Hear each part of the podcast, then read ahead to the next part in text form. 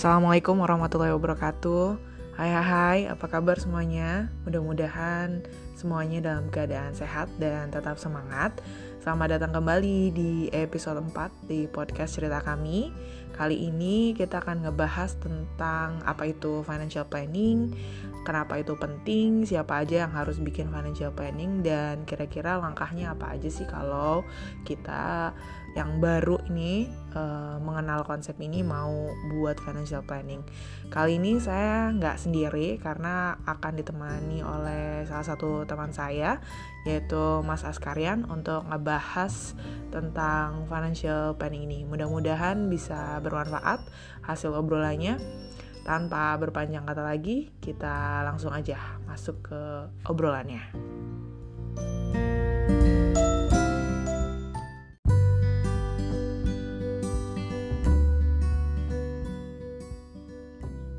Assalamualaikum. Waalaikumsalam, Mbak. Ya, sehat, Tian? Sehat. Eh, jelas nggak suaraku? Jelas, jelas. Suaranya jelas. Uh, terima kasih banget sebelumnya ini udah mau bersedia untuk uh, featuring lagi untuk kedua kalinya di podcast cerita kami. Uh, untuk yang mungkin belum tahu, uh, Mas Rian ini adalah dia PhD student di Universitas Debrecen di Hungari dan topik kita di episode 4 tentang financial planning ini kurang lebih akan banyak juga ngebahas tentang risetnya Mas Rian. Karena um, kalau nggak salah um, Rian juga ngebahas ini ya di topik risetnya tentang financial literacy. Gitu ya betul ya Yan? Iya sih uh, topik besarnya itu ya. Hmm, tentang financial literacy. Jadi kayaknya uh, Riani jadi narasumber yang tepat untuk kita ngobrol-ngobrol kali ini. Nah, untuk kasih gambaran nih buat uh, pendengarnya podcast cerita kami, sebenarnya secara umum yang dimaksud dengan financial planning itu apa sih? Atau itu tuh apa gitu? Maksudnya perencanaan keuangan tuh apa gitu? Mungkin bisa kasih gambaran umumnya dulu. Uh, jadi gini ya kalau uh, financial planning itu sebenarnya uh, kayak kita bikin rencana sih kayak misalkan mungkin mungkin mungkin nggak biasa ya kalau misalkan sebuah sebuah uh, individu atau keluarga itu bikin rencana keuangan tuh mungkin belum biasa belum hmm. common di Indonesia gitu. Hmm. Tapi kalau di Indonesia itu udah common kalau iya, iya. perusahaan, yeah, organisasi itu bikin financial planning untuk setahun ke depan tuh udah udah common banget. Cuma ketika sekarang trennya sudah mulai ditarik ke iya. tingkat individu sama tingkat keluarga. Jadi intinya cuma kayak ilmu itu udah udah hmm. bersebaran di corporate, di bisnis dan itu kita tarik ke keluarga, kita simplifikasi hmm. dan kita bikin perencanaan itu gitu. Itu sebenarnya financial planning. Hmm. Oke, okay, jadi itu financial yeah. planning gambarannya gitu. Oke, jadi sebenarnya ini merupakan hal yang biasa dilakukan di tingkatan korporasi atau di tingkatan organisasi, tapi sekarang uh, orang-orang juga udah mulai aware tentang uh, financial planning ini gitu. Nah, kalau terkait sama itu, kalau korporasi atau organisasi dia bikin financial planning, mungkin istilahnya kayak budget itu kan tujuannya jelas ya, kayak misalnya dia ingin mengalokasikan sumber dayanya yang terbatas itu untuk kegiatan yang dia rencanakan di budgetnya itu. Kalau di tingkatan individu, kira-kira untuk apa sih kita secara individu atau tadi misalnya keluarga Jadi, itu bikin financial uh, Kalau kalau ini tuh fungsinya gini uh, mungkin kayak kita ya Mbak, uh, kita kan udah belajar akuntansi ya selama empat tahun, ya. empat tahun di S1 sama dua tahun di S2 ya. Kita mungkin udah biasa banget, hmm. kita udah ngerti uh, gimana laba rugi, gimana hmm. neraca gitu. Sebenarnya financial planning itu kayak bikin neraca sama laba rugi keluarga atau neraca sama laba rugi hmm. individu gitu. Cuman ada dua sebenarnya yang lebih menarik hmm. nih aku lagi belajar juga. Jadi hmm. ada dua dua jenis. Yang pertama itu financial review, yang kedua itu financial planning. Kalau financial review itu gini kayak kita setahun terakhir, hmm. dua tahun terakhir itu udah udah udah dapat apa aja, udah punya apa aja, kita nge-review keuangan kita gitu kan.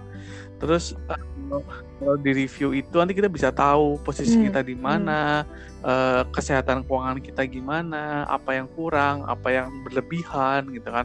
Karena ternyata berlebihan kas juga nggak bagus gitu kan uh, hmm. berlebihan bagus itu terus nanti dari situ kita bisa hmm. membuat financial planning untuk setahun atau dua tahun ke depan atau mungkin lima tahun ke depan gitu. Jadi jadi itu berkaitan, itu berkaitan. Dan kalau bilang manfaatnya apa itu manfaatnya hmm. besar sih. Karena uh, kita selama ini mungkin uh, nggak nggak pernah kepikiran gitu. Nggak pernah kepikiran kondisi kesehatan kita tuh seperti apa selama ini. Karena kita ya udah dapat hmm. gaji atau dapat uh, penghasilan dapat project jalanin tahu-tahu nanti uh, kita masih kecampur-campur lah semuanya antara uang project uang pribadi uang usaha uang pribadi jadi kita kayak nggak punya target nggak punya target ketika gambaran gini deh ketika orang nggak punya iya. target nggak punya goal nggak ada yang dikejar gitu ada yang dikejar, dan dia ya udah ikuti hmm. ikuti arus aja gitu hmm. pokoknya selama masih ada uang di hmm. tabungan yeah. masih ngerasa aman ya udah oke oke aja nggak masalah gitu jadi financial planning sebenarnya kayak ngasih gambaran kondisi keuangan kita kayak gimana sehat hmm. atau kalau tidak sehat terus ke depan dalam hmm. jangka waktu pendek menengah panjang itu apakah kita hmm. punya rencana atau yeah. enggak targetnya gimana itu sebenarnya kayak strategic action plan sih kalau di strategic management kan gitu kan jadi kayak gitu cuma dalam bentuk uang ya keuangan gitu Hmm.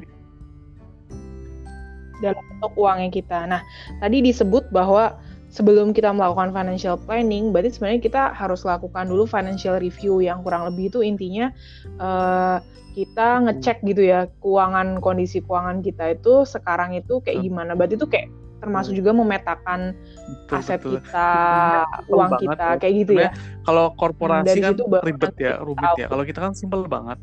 Kita kayak bikin neraca aja mungkin ya mungkin kebanyakan hmm. dari kita yeah. hanya ada di aset ya tapi mungkin ada juga yang punya ada di liability dan aset itu kayak dikategorikan kita punya cash on bank berapa terus punya motor berapa punya mobil harga nominalnya berapa komputer hmm. itu juga aset kan komputer kamera apa pun yang yang hmm. yang yang kategori aset tuh ya yeah, tahu lah yeah. ya sesuatu yang bisa menghasilkan cash potensi cash flow di masa depan tuh kita masukkan ke aset semua gitu tanah rumah apa itu kita hmm. kategorikan hmm. di situ jadi kita tahu oh kita asetnya hmm. segini gitu kan oh kondisi sekarang seperti itu kan karena dari situ kita hmm. tahu apa yang akan kita capai dalam setahun ke depan. Oh tahun ke depan rencananya aku pengen nambah nih kira-kira uh, investasiku uh, semuanya hampir semuanya di instrumen keuangan. Kayaknya tahun ke depan aku pengen ke instrumen real nih ke properti misalkan. Jadi aku harus merubah keuangan properti aku harus ngapain. Itu kelihatan dari neraca terus yang kedua hmm. laba rugi itu sebenarnya juga gampang banget kalau tingkat kalau tingkat individu atau tingkat keluarga ya. Karena penghasilan kita kan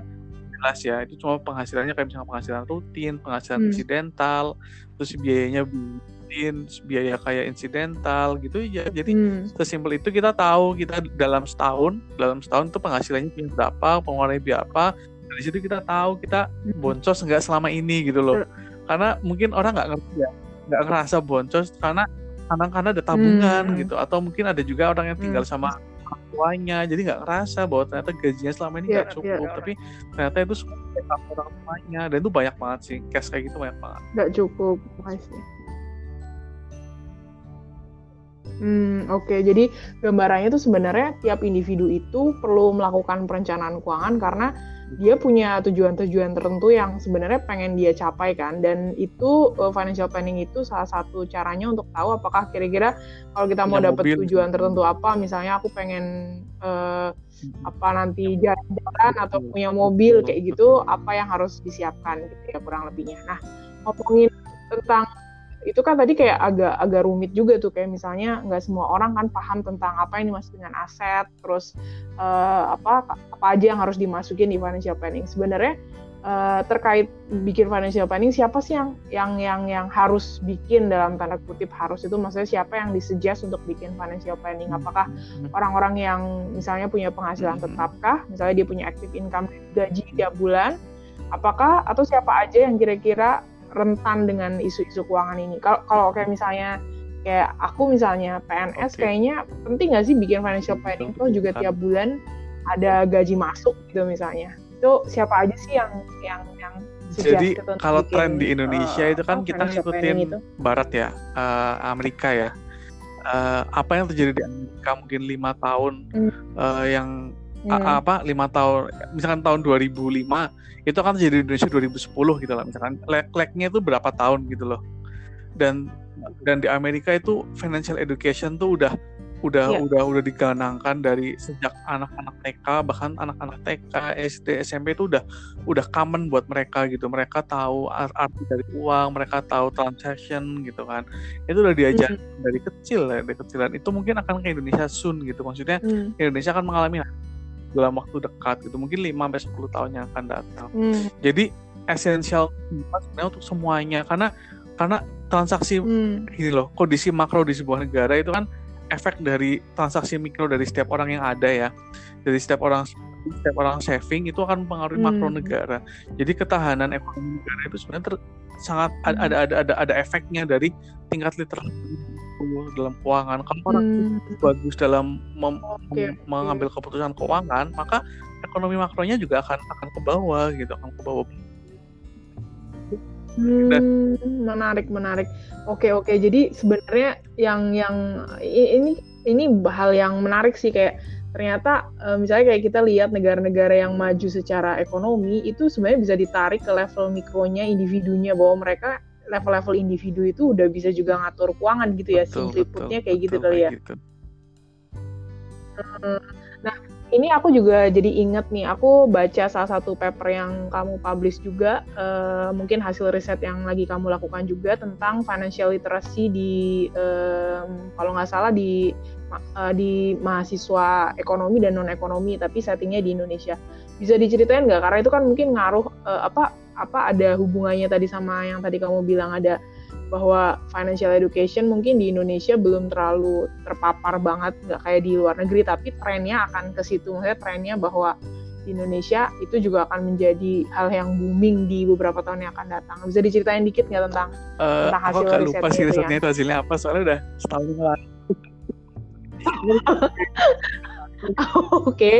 gambaran besarnya gimana? Jadi financial literacy Kalau di Indonesia, Indonesia itu sebenarnya pertama ya, uh, kita ketika kita ngomongin financial literacy itu ngomongin instrumennya dulu deh, gitu kan. Di Indonesia itu yang ukur tuh hmm. siapa sih? Yang ukur tuh OJK. OJK itu mengikuti siapa sih? Dia mengikuti OECD Eropa. Hmm.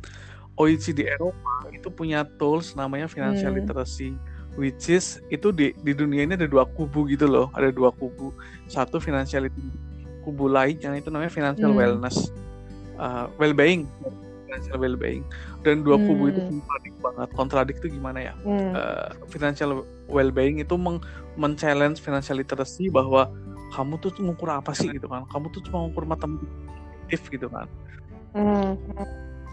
Instrumennya apa yang diukur di financial literacy dan financial well-being tuh beda berarti ada yang yang, yang mereka ukur tuh juga beda. di Indonesia gitu karena Indonesia ikuti OECD dia pakai uh, pakainya financial literacy itu mengukur kayak mathematical things gitu loh mbak kayak mathematical things itu apa ya uh, berapa sih hmm. kalau misalkan uh, kredit kan kre, uh, ini kamu mau beli MacBook nih 20 juta uh, 0% bunga selama 10 hmm. bulan kamu berapa nih uh, nyicilnya. Itu kan mathematical things banget Nah, hmm, nggak cuma yeah, hanya nggak yeah, cuma yeah, hanya mathematical things karena banyak faktor gitu kan.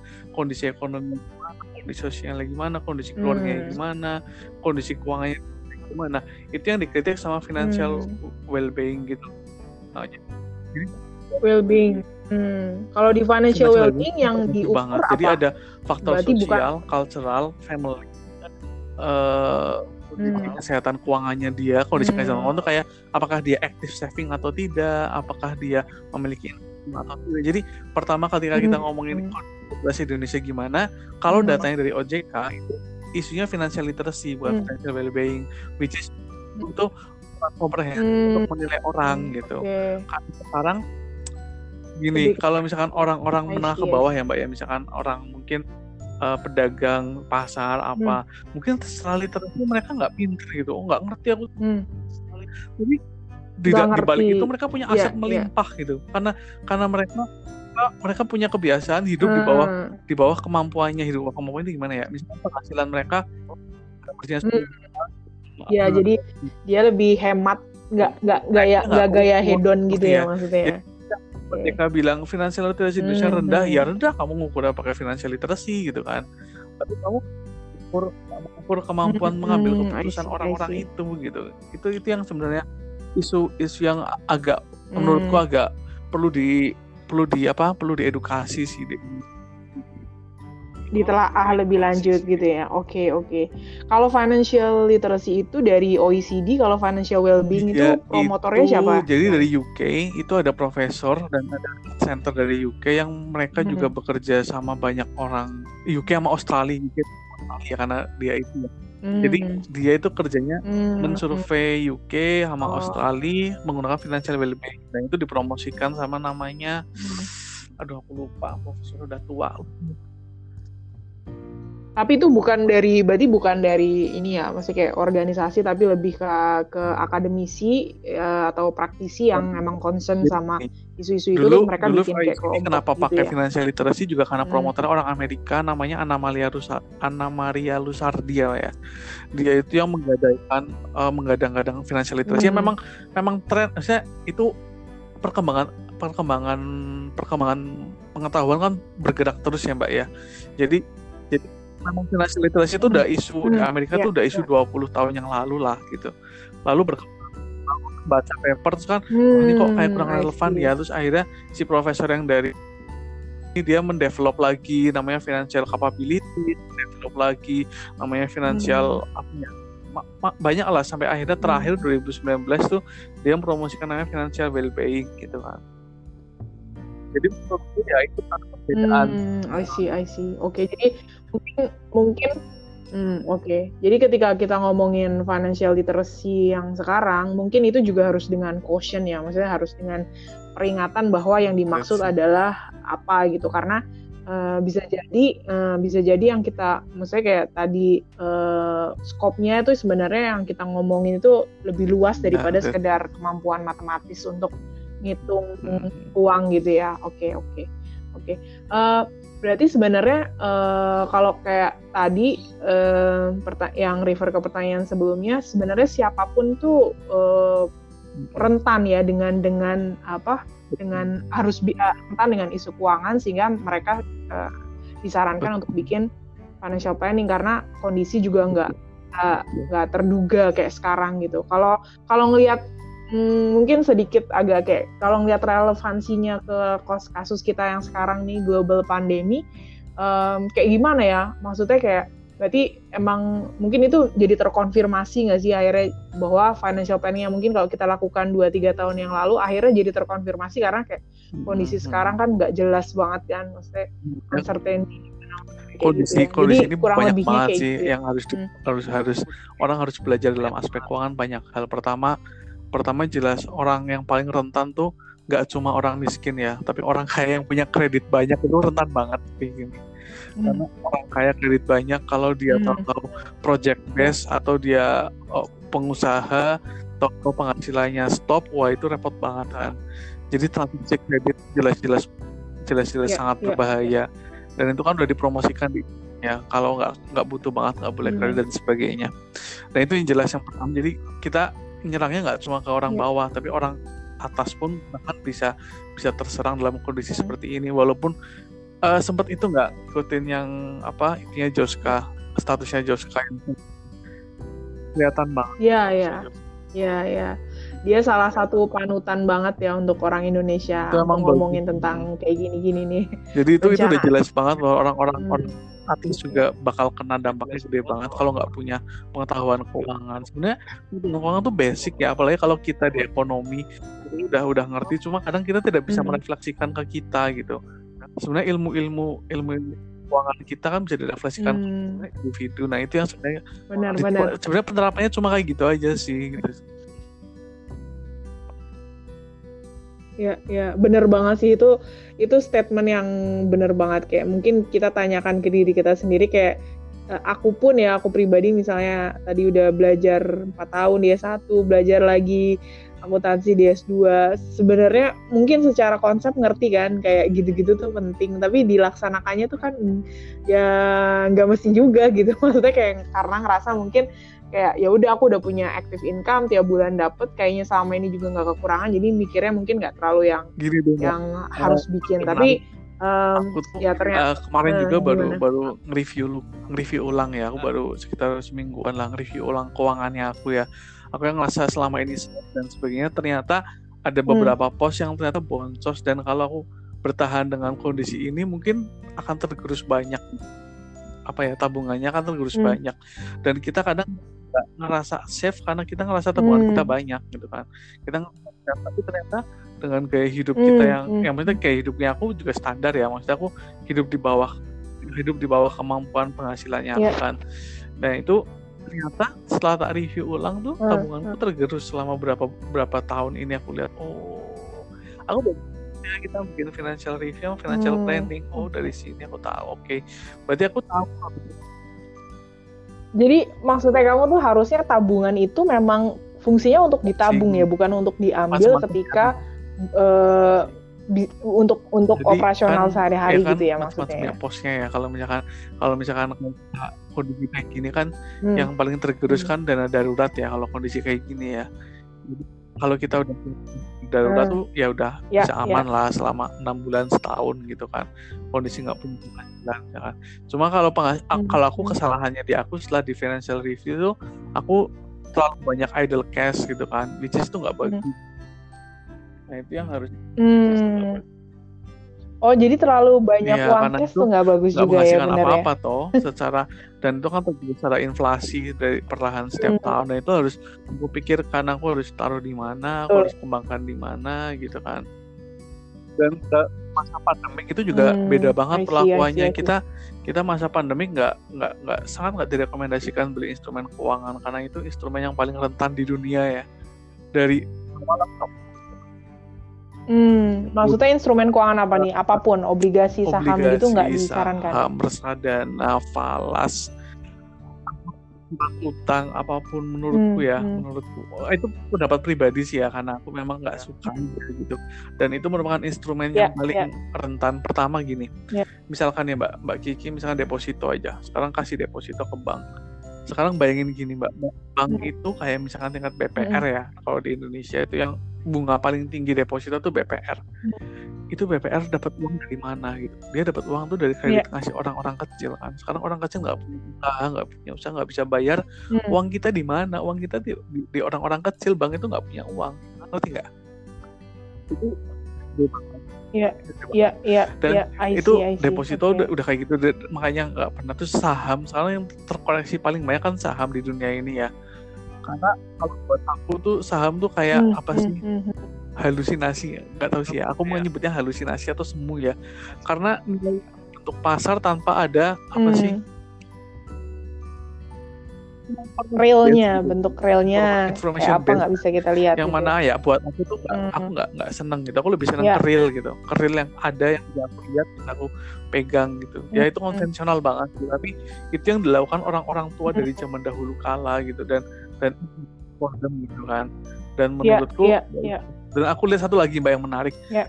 tentang investasi saham ya selama ini hmm. seberapa banyak sih orang investasi saham dan berhasil jadi kaya itu seberapa banyak gitu cash itu Iya, satu dua orang doang dan itu yang big investor kelas kakap tingkat dunia kayak ini kan, maksudnya bukan yang Ya, aku sih nggak ngerti juga, tapi kayaknya nggak nggak banyak ya maksudnya. Dan karena yang aku lihat orang-orang zaman orang dahulu, ya. ketika dia berinvestasi ke tanah, ke pertanian, hmm. ke rumah, chance untuk mereka jadi kayaknya tuh besar hmm. gitu dari dulu gitu.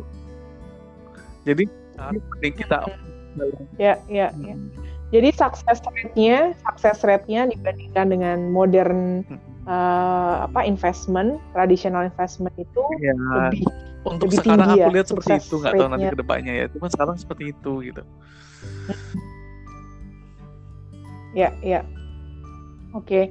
tapi itu menarik sih karena ada aku kemarin-kemarin sempat baca juga uh, mungkin ini apa dia itu tulisan ditulis sama orang yang memang dia pro gitu kan sama sama pasar modal dan sebagainya. Dia bilang um, daripada kita takut untuk uh, decide apa-apa, justru dia menurut dia itu ini adalah kesempatan yang bagus untuk beli saham-saham karena kan pada drop gitu. Uh, apa nanti uh, bisa kita save dan nanti ketika harganya udah naik bisa kita jual itu yang menurut dia itu nanti keuntungannya bisa dapat dari situ. Tapi kan sebenarnya ya itu semuanya balik lagi kan itu kan uncertainty ya. Maksudnya kayak gambling juga kan. Ya kalau baik gitu kalau baik. Dan dan belum lagi kita ngomongin kayak misalnya berapa lama sih kondisi global ini akan membaik kan. Mungkin tidak dalam waktu dekat jangka waktu pendek kan. Maksudnya secara uh, apa pemulihannya ada. semuanya nggak dalam waktu pendek gitu. Oke, mungkin kita lihat ada. ya ada akan ada ya, waktunya. Kalau kalau yang yang uh, kalau misalkan masih tetap mau saham dan sebagainya itu pilihan mereka sih ya. Cuma aku lihat nggak tahu sih ya. Kalau aku lihat itu kalau kalau ini ini ini tuh kan nggak akan pulih perlahan lah ya, akan pulih perlahan pelan pelan aktif tapi yeah. uh, sektor sektor sektor yang mungkin paling dekat dengan kita dan dampaknya paling besar itu mungkin sektor perbankan itu loh kayaknya bisa bisa kan karena yang tadi aku ceritain tentang PPR itu hmm. salah satu ilustrasi yang paling simpel ya mbak ya sekarang kalau kita lihat bank yang agak gede dikit gede dikit kayak yeah, misalkan yeah. Danamon atau bank CIMB bank apa itu mereka hidup kan juga dari kayak gitu kan modelnya kan ya nggak mm-hmm. mereka hidup tuh dari simpan yeah. pinjam sama lah ya. dari nah, muter sekarang yang uang. dipinjam ya, kan mereka nggak bisa bayar yeah. uang kita di di di, di kreditur di orang-orang yang pinjam yeah. terus itu rentan sih menurutku agak rentan gitu. Hmm.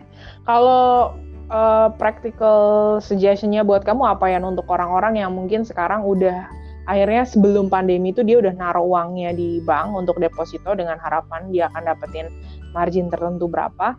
Nah, untuk kalau kamu pribadi sarannya gimana untuk orang-orang yang udah iya. terlanjur nih udah punya deposito apakah ya. sebagai diambil sekarang atau ya udah ditaruh aja sekarang mau diambil juga diambil, kayak mau buat apaan gitu diambil ya Gimana? berita udah dengar berita yang apa Bang diambil. Banten Bang Banten itu uh, itu juga ada Rasmani ya hmm. tahu sih Allah alam suka ngerti ya gimana ngikutin cuma kalau kayak ya, kalau kayak ya. gini kondisinya perusahaan nggak bisa operasional dia nggak dapat penghasilan dia mau bayar dari mana gitu kan menurutku agak kan iya kemarin-kemarin sempat Iya benar kemarin-kemarin sempat sih ya ada baca beberapa berita gitu tentang uh, rush money di beberapa bank gitu ya. Tapi um, terus ada isu lagi sih kalau LPS lembaga penjamin simpanan ya itu dia si garansi kalau dia kita uangnya maksudnya di bawah kalau nggak salah di bawah 5 miliar atau di bawah 50 miliar itu sih akan ya. akan terjamin gitu. Ya oke okay, tapi uh, ya itu another issue lah ya isu yang lain gitu. kita balik lagi deh ke financial planning. Karena kalau ngomongin jadinya ke mana-mana. Uh, kita masuk ke bagian yang agak teknis deh kalau tadi uh, tujuannya udah tahu nih bahwa kita bikin financial planning untuk uh, mencapai tujuan apa pun yang kita setting. Kita mau beli mobil kita mau beli rumah kita mau jalan-jalan maka diperlukan untuk kita bikin financial planning. Terus siapa yang harus bikin itu sebenarnya siapa pun gitu, tidak harus orang-orang yang punya active income, tapi juga orang-orang yang yang merasa rentan dengan keuangan atau sebenarnya siapa pun karena itu juga uh, dampaknya bagus kan hasil dari financial planning ini. Nah sekarang ke technical uh, questionnya, gimana caranya bikin financial planning nih? Langkah awal apa yang bisa dilakukan untuk uh, seseorang yang benar-benar baru akan bikin financial planning? Yang Apa pertama, yang harus kayak aku udah bilang ya, sebelum bikin financial planning itu kita nggak bisa bikin financial planning kalau kita nggak hmm. tahu kondisi keuangan kita. Jadi pertama kita bikin review keuangan kita. Review keuangan hmm. kita tuh apa? Isinya yaitu neraca sama laba rugi. Neraca itu kita identifikasi aset kita itu apa aja. Ya. Aset kita identifikasi cash berapa, tanah berapa, hmm. rumah, mobil, motor, lap laptop, HP itu termasuk aset ya karena itu uh, sesuatu yang bisa menimbulkan potensi hmm. potensi penghasilan di masa depan tuh aset diidentifikasi semuanya dari situ kita dari aset aja ya dari aset kita bisa kelihatan hmm. aset-aset mana yang belum kita utilize maksimal gitu kan oh ini hmm, asetnya hmm. malah ternyata okay. lebih banyak yeah. Biayanya daripada penghasilan itu berarti kita nggak produktif gitu. Nah kita berusaha hmm. mengidentifikasi dan kita harus kreatif sih dari situ. Kita harus mengkreasikan gimana cara memaksimalkan aset-aset itu bisa membantu keuangan kita ke depannya. Misalkan punya hmm. kamera nih nganggur ya itu harus dimaksimalkan. Gimana nih biar kamera itu bisa lebih bermanfaat? Mau foto kah? Atau mau bikin hmm. video kah? Atau mau apa? Terserah gitu HP juga misalkan dia yeah. lebih maksimal punya HP mahal-mahal yeah. tapi ternyata boncos cuma buat nontonin YouTube doang itu ya nggak ada gunanya gitu dari aset itu kita bisa tahu yeah, gitu ya. yeah, itu yang yeah. pertama terus yang kedua okay. itu neraca terus yang kedua Raca, ya kalau ya. masih punya hmm. utang itu bisa diidentifikasi utang mana karena dari utang itu kita tahu hmm. yang paling besar menyedot mana dan yang harus diselesaikan paling cepat mana karena utang itu baiknya diselesaikan cepat mungkin sih karena berapa besar penghasilannya kalau masih yeah, ada iya. utang yeah. itu ya mas menurut menurut saya pribadi masih belum independen gitu dia masih depend financial independent. Jadi hmm. masih masih ada beban yang harus ditanggung setiap bulan tuh itu itu baiknya segera diselesaikan kalau masih ada utang terus yang kedua ya utang itu termasuk apa pun ya berarti dia ada cicilan rumah dia cicilan ya, mobil dan segala macam itu dimasukin ke situ ya segera selesaikan dengan segala upaya maksimal yang bisa dengan ya, memanfaatkan ya. aset itu gitu kan. Terus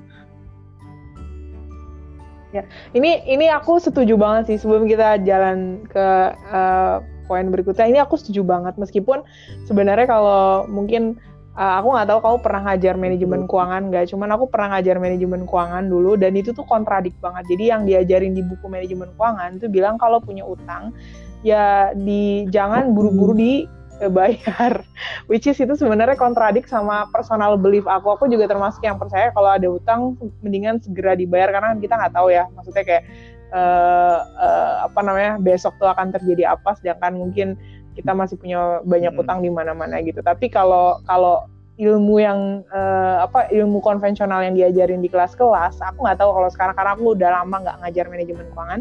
Dulu aku pernah ngajar manajemen keuangan tuh kayak gitu. Jadi diajarin bahwa kalau punya utang jangan diburu-buru dilunasin. Karena uang yang harusnya bisa untuk bayar utang bisa diputar dulu gitu untuk hal yang lain which is aku nggak terlalu percaya sih itu. Jadi emang harus uh, identify utang dan harus segera diselesaikan lah ya utangnya itu gitu kan. aku lagi nyari lagi okay, nyari dokumen-dokumen okay. tentang utang dia pertama. Aku tuh penasaran banget siapa sih pertama yang melayangkan utang dan sebagainya. Karena karena utang itu uh, kredit itu ketika orang melakukan kredit hmm uh, itu orang itu melakukan spending di atas kemampuannya hmm. ya enggak kemampuan dia 5 juta dia ya, ya. ya uh, kalau personal gitu tapi kalau perusahaan mungkin untuk sebagai sumber Stress sumber itu, kan. daya gitu nggak sih tambahan modal gitu nggak sih itu nah itu itu hmm, memang hmm. jadi kunci untuk untuk peningkatan produktivitas oh, bukan sorry sorry untuk hmm, pengembangan ekonomi see, itu orang harus spending. Dan itu di leverage dengan utang yeah. itu itu ya kapitalis tuh kayak gitu yeah, maksudnya. yeah. tanya kayak gitu loh. Dan dan dan hmm. dan utang itu kredit itu berkaitan dengan bunga itu ada trennya mbak. Uh, mungkin mbak Kiki pernah nonton di YouTube ya How Economics Work coba nonton itu menarik banget. Gimana uh, kredit itu membangun membangun perekonomian, membangun negara dan kredit itu selalu diatur bunganya naik turun itu kayak kayak puls puls jantung itu loh. Naik turun naik turun naik. Sampai pada suatu ketika dia akan naik hmm. tinggi banget dan turun jeblok itu yang namanya resesi. Dan itu selalu ada tren. Itu ternyata bisa bisa diprediksi dan selalu ada hmm. trennya gitu. Mungkin bisa. Ada diskusi hmm. masalah itu ya. Soalnya okay, okay, itu okay, okay Iya, iya benar-benar. Itu menarik sih. Aku juga waktu itu uh, ngebahas tentang kayak utang gini agak kayak kontradik gitu yang yang di buku, yang di mana gitu kan. Karena kan kita mungkin ya itu tadi hasil dari uh, propaganda kapitalisme ya, termasuk juga di uh, pendidikan kita juga kayak gitu gitu. Padahal secara personal belief aku juga percaya bahwa ya kalau bisa nggak utang ngapain utang kayak gitu kan. Yang, yang ya. Oke lah, yang yang tadi ngomongin review neraca kita identify aset dan utang ada lagi nggak yang perlu uh, itu dulu sih. di kita kita bisa identifikasi itu juga juga bagus maksudnya tapi sejujur, sejujur mungkin gitu ketika kita identifikasi hmm. utang kita apa aja itu benar-benar sejujur mungkin hmm. ditulis gitu aset kita apa aja ditulis sejujur mungkin dan dan ketika mengidentifikasi hmm. aset itu potensi atau enggak itu tergantung kemampuan kita ya maksudnya gini uh, kayak sekarang misalkan aku ada kamera nih hmm. aku itu potensi jadi jadi misalkan monetisasi dengan bikin yeah. di YouTube tapi aku nggak punya potensi skill YouTube gitu kan ya itu nggak jadi potensi lain tapi yang lainnya kita cari hmm. yang kira-kira berkaitan dengan kemampuan hmm. kita knowledge kita apa gitu I see, oke, okay. ya. Terus tadi kamu mention juga kita selain di review untuk uh, di financial review itu kita bikin raca, kita bikin laba rugi. Mungkin konteksnya kalau individu apa nih? Kalau kalau kalau di perusahaan kan laba rugi isinya pendapatan sama biaya. Iya, kalau individu kalau, juga sama ya kayak gitu. Jadi identifikasi uh, pemasukan cuma, sama pengeluaran. cuma penghasilan sama uh, biaya. Hmm. itu kita. Kalau kalau yang aku bikin hmm. sih penghasilan hmm. tuh kita breakdown yeah, gitu yeah. kan. Dari yang rutin rutin dan pasti kan sebagai PNS kan rutin dan pasti ya. Setiap bulan itu ya itu itu rutin dan yeah. pasti kalau rutin terus nanti ada insidental yeah. insidental tuh kira-kira project apa sih yang bisa kita tarik dan kita usahakan dan effort gitu ternyata dalam setahun kita yeah. bisa dapat apa nih insidental gitu kan. Yeah. Terus nanti kalau udah investasi, misalkan Mbak hmm. Kiki misalkan investasi yeah. ke perusahaan temen nih, misalkan temen ada usaha beli motor, Mbak Kiki investasi ke situ hmm. misalkan 50 juta, nanti dari situ returnnya berapa sih perkiraan selama setahun tuh dari investasi gitu. Jadi dari dari penghasilan tuh macam-macam posnya okay. gitu kan. Yeah. Ada juga Uh, tapi itu belum capital iya, gain ya. Iya. Kalau kalau capital gain itu mending daripada ribet di situ mending revaluasi revaluasi setiap tahun asetnya kita apa neracanya kita dari tahun depan misalkan ternyata rumah kita udah naik ya direvaluasi aja hmm. itu lebih gampang daripada terus di penghasilan. Itu dari penghasilan biaya. Hmm. Jadi, jadi maksud kamu tadi ketika kita identifikasi aset misalnya di tahun ini tahun depan itu ketika ada kenaikan di aset itu jangan taruh di laba rugi sebagai capital gain tapi taruh lagi di neraca sebagai revisi atas penilaian aset gitu ya. ya. tapi nggak dapat uang gitu. Ya. Iya, iya, iya, oke, okay, oke, okay, sip. Jadi laba rugi itu intinya pokoknya yang benar-benar kita bisa iya, kuantifikasi secara moneter gitu ya uh, apa terus ininya berapa oke okay. pos ya. biaya ya. terus aku ada coba lagi kategorikannya yang pertama rutin ya rutin tuh ada yang rumah tangga hmm. gitu kan terus yang kedua kalau punya bisnis itu biasanya ada biaya hmm. biaya hmm. bisnis itu ya maintenance uh, dan sebagainya gitu kan kalau misalkan bisnisnya makanan hmm. tuh ada biaya bisnis kan berarti ada gaji karyawan ada beli bahan material gitu kan kalau kita punya makanan kalau investasi ya, uh, ya. mungkin nggak nggak ada biayanya ya kalau kalau biaya investasinya nggak atau mungkin kalau misalkan ada pencairan kan kalau misalkan uh, saham itu kan kalau misalkan ada pencairan uang itu ada berapa persen itu mungkin akan ada biayanya kalau misalkan di tahun itu kita mau mensesuaikan hmm. jadi dari pendapatan sama biaya hmm. kita tahu tuh dalam setahun kita masuk laba atau masuk rugi gitu untung atau enggak dari situ kita tahu gitu. Nah, hmm, nah, dari financial hmm, review hmm. itu setelah kita tahu kondisi keuangan kita either kita sehat atau hmm. cukup atau enggak sehat gitu kan. Nah, itu kita bisa merencanakan setahun ke depan hmm. kita bisa ini kira-kira kita penghasilannya hmm. yang rutin berapa, yang insidental yang bisa kita usahakan berapa. Kalau ternyata dari financial cash kita terlalu banyak, kita harus investasikan hmm. ke mana nih untuk tahun depan gitu kan. Biar tahun depan cashnya berkurang tapi hmm. pos penghasilan investasinya bertambah gitu kan gitu. Ya, ya. Berarti yang kedua itu terka uh, setelah financial review kita udah selesai, kita jadi tahapan yang kedua kita udah bisa mulai merencanakan hasil reviewnya kita itu mau kita apakan selanjutnya gitu ya. Dan itu pasti dikorelasikan sama tujuan kita kan misalnya kayak tadi uh, aku pengen punya aku pengen naik haji bayar haji uh, itu berapa puluh juta misalnya maka apa yang harus aku lakukan biar di tahun sekian aku punya berapa puluh juta. Tapi di bagian ini kan uh, ini aku kelintas aja sih gimana untuk orang-orang yang itu kan orang eh, sebenarnya sih secara natural itu orang kan pasti punya ambisi ya punya tujuan punya apa. Tapi gimana dengan orang-orang yang nggak punya uh, tujuan ambisius gitu loh akhirnya. Jadi maksudnya apakah cukup di financial review terus kayak oh ya kalau keuanganku baik ya udah aku nggak ngapa-ngapain lagi deh gitu. Apa atau ketika, gimana? Ketika orang pendapat kamu gimana? Sadar bikin financial review dan apa uh, financial planning gitu ya. Itu sebenarnya dia udah udah sih mungkin ada eh ada masalah hmm, atau dia dia mulai pengen mengembangkan uangnya ke mana gitu. Nah ini fungsinya hmm. ya advisor. Jadi ketika hmm. diskusi sama advisor, biasanya gini. Jadi kita dalam finansial tuh ada ada stage of maturity-nya kan. Kedewasaan finansial tuh ada level-levelnya. Dari yeah. orang yang broke out, broke out itu yang jelas-jelas hmm. dia boncos banget gitu. Uh, punya duit bahkan dia mau hutang untuk hmm. konsumsi tiap hari itu kan yang paling broke out. Yeah. Terus dari financial dependent yang masih tergantung orang tua, yeah. terus sampai akhirnya break even which is penghasilan pengeluaran udah sama terus udah hmm. mulai bisa saving itu ada ada ada levelnya jadi biasanya dari financial review kita, kita tahu nanti advisor kita hmm.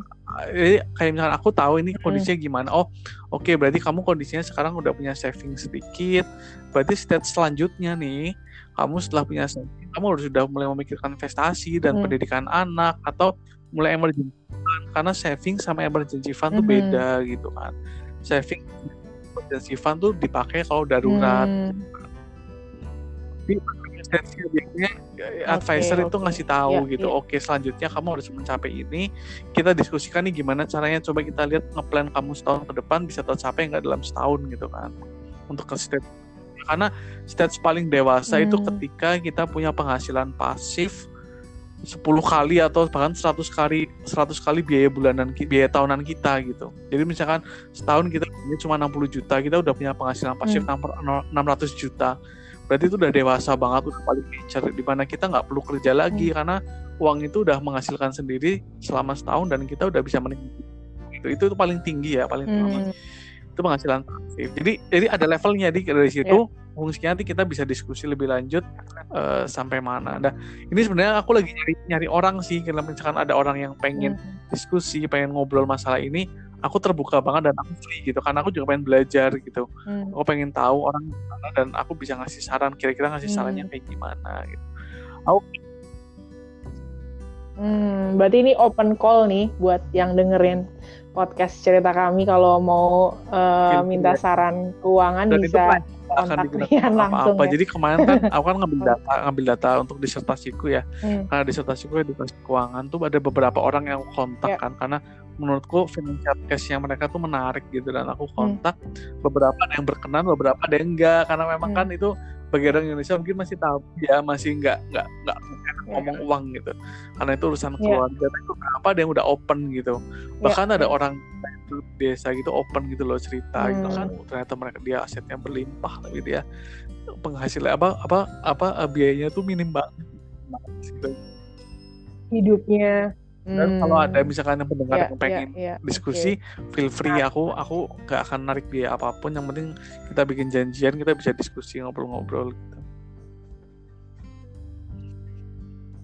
Hmm, ya, ya, ya. Menarik nih nanti buat uh, yang dengerin kayaknya sih bakal ada beberapa karena topik ini juga diangkat karena masukan dari beberapa uh, teman yang dia itu banyak yang lagi early career gitu. Jadi dia baru memulai karirnya. Entah dia uh, apa fresh graduate yang baru kerja tapi dia kayak pengen punya aku nggak pengen nih kerja selamanya gitu. Tapi aku pengen uh, apa namanya punya penghasilan yang lain gitu. Ada beberapa juga yang baru nikah terus kepikiran gimana nih caranya untuk ngomong terbuka yeah, sama pasangannya untuk rencanain uang keluarga dan sebagainya. Oke, terus tahapan berikutnya apa nih Yan? Maksudnya setelah kita tahu review, terus kita akhirnya jadi tahu uh, apa posisi keuangan kita gimana, terus mau diapain uang itu, berarti ke masuk ke perencanaan. Ketika Ada lagi nggak step kan yang ya, harus di review kondisi kita di mana, kedewasaan keuangan kita level yang mana, hmm uh, terus kita membuat rencana itu yang achievable hmm. sih achievable tuh setahun setahun lima tahun nggak apa-apa tapi hmm. kalau terlalu panjang aku rasa akan berubah banget karena setiap tahun tuh bisa berubah gitu kan terus kita bikin planning hmm. itu sampai ke okay. action bulanan action bulanan atau bahkan gitu jadi misalkan gini nih kalau misalkan hmm. kayak kita dosen ya mbak ya kan kita kan lagi posisi lagi studi studi lanjut nih yeah. penghasilan kita cuma dari gaji sama basic remun ya yeah untuk rutinnya ya uh, kita mikir insidental kita yeah. bisa dapat apa nih gitu kan mm. aku ternyata baca mbak jadi kita bisa dapat insentif publikasi mm.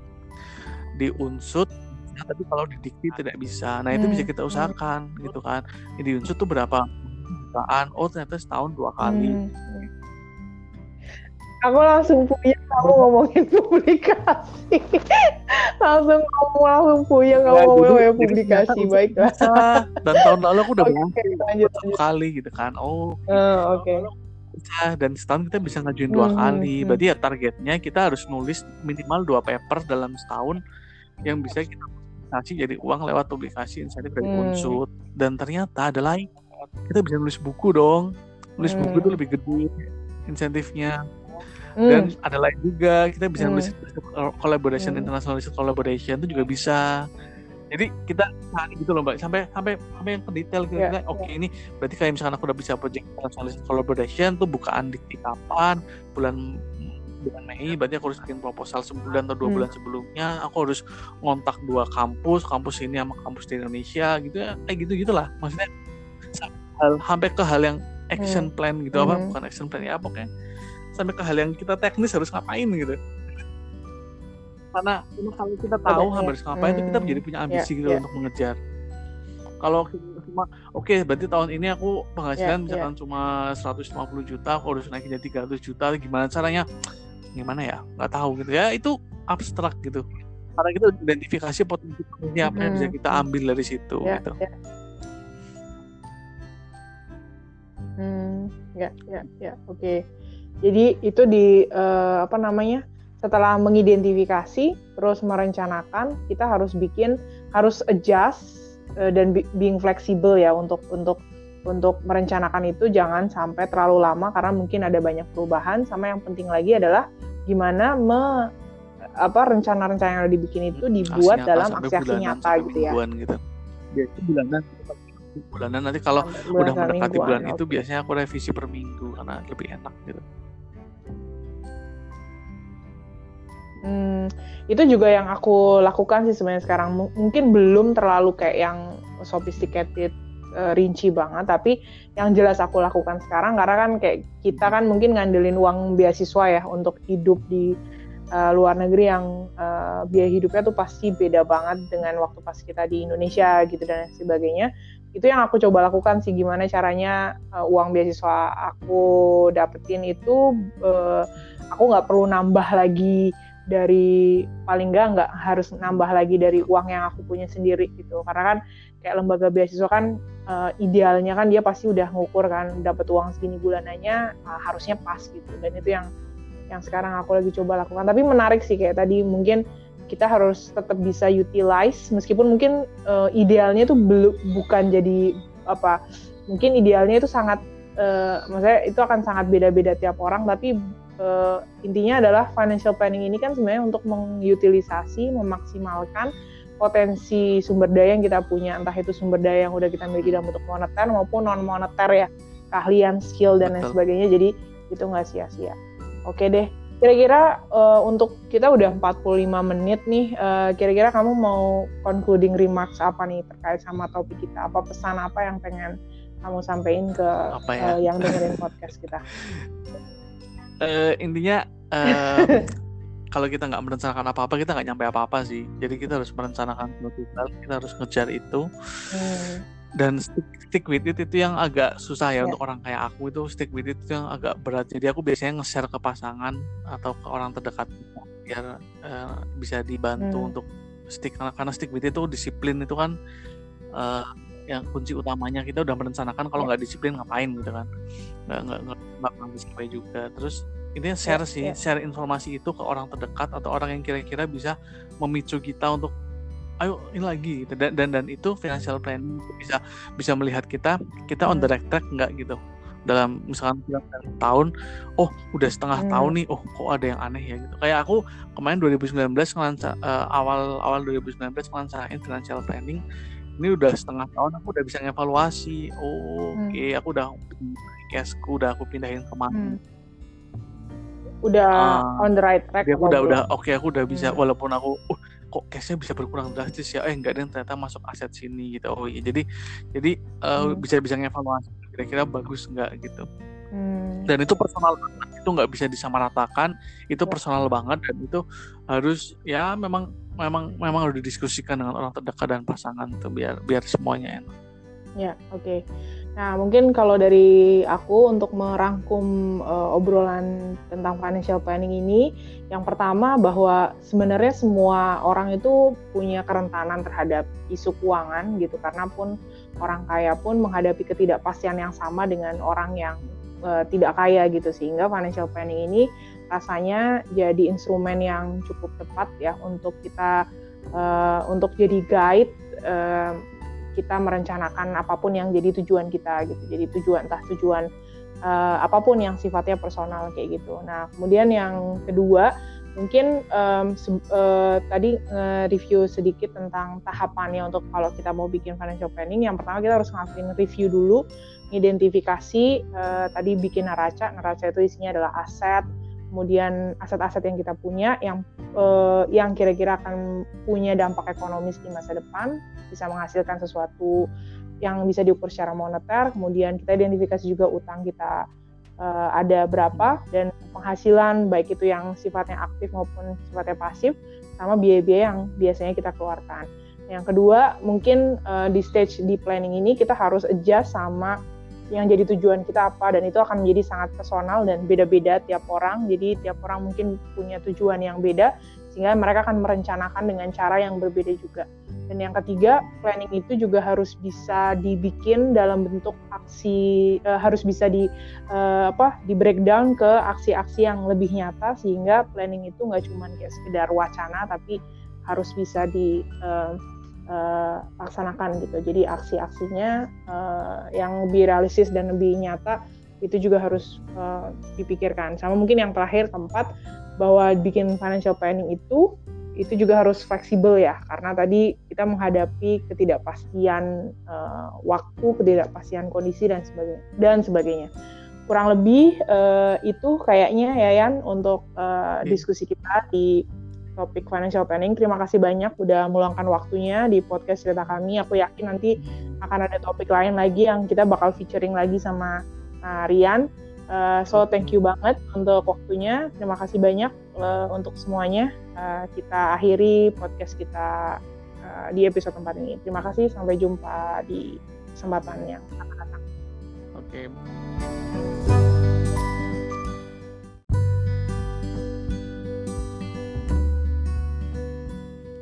Nah, itu tadi obrolan kita dengan Mas Rian ngomongin tentang financial planning. Mudah-mudahan bisa memberikan manfaat, sedikit ilmu, dan juga sedikit inspirasi untuk kita yang mungkin mau mulai mencoba untuk mengelola keuangan kita dengan lebih bijak ya. Um, jangan lupa juga untuk uh, terus stay tune di episode-episode selanjutnya di uh, podcast cerita kami. Teman-teman bisa dengerin di Spotify uh, ataupun di podcast atau di Google Podcast. Uh, insya Allah sudah banyak uh, channel dan kanal yang bisa teman-teman gunakan untuk dengerin podcast terbarunya dari cerita kami. Saya kira itu aja untuk episode kita. Terima kasih. Sampai jumpa di kesempatan yang akan datang. Assalamualaikum warahmatullahi wabarakatuh.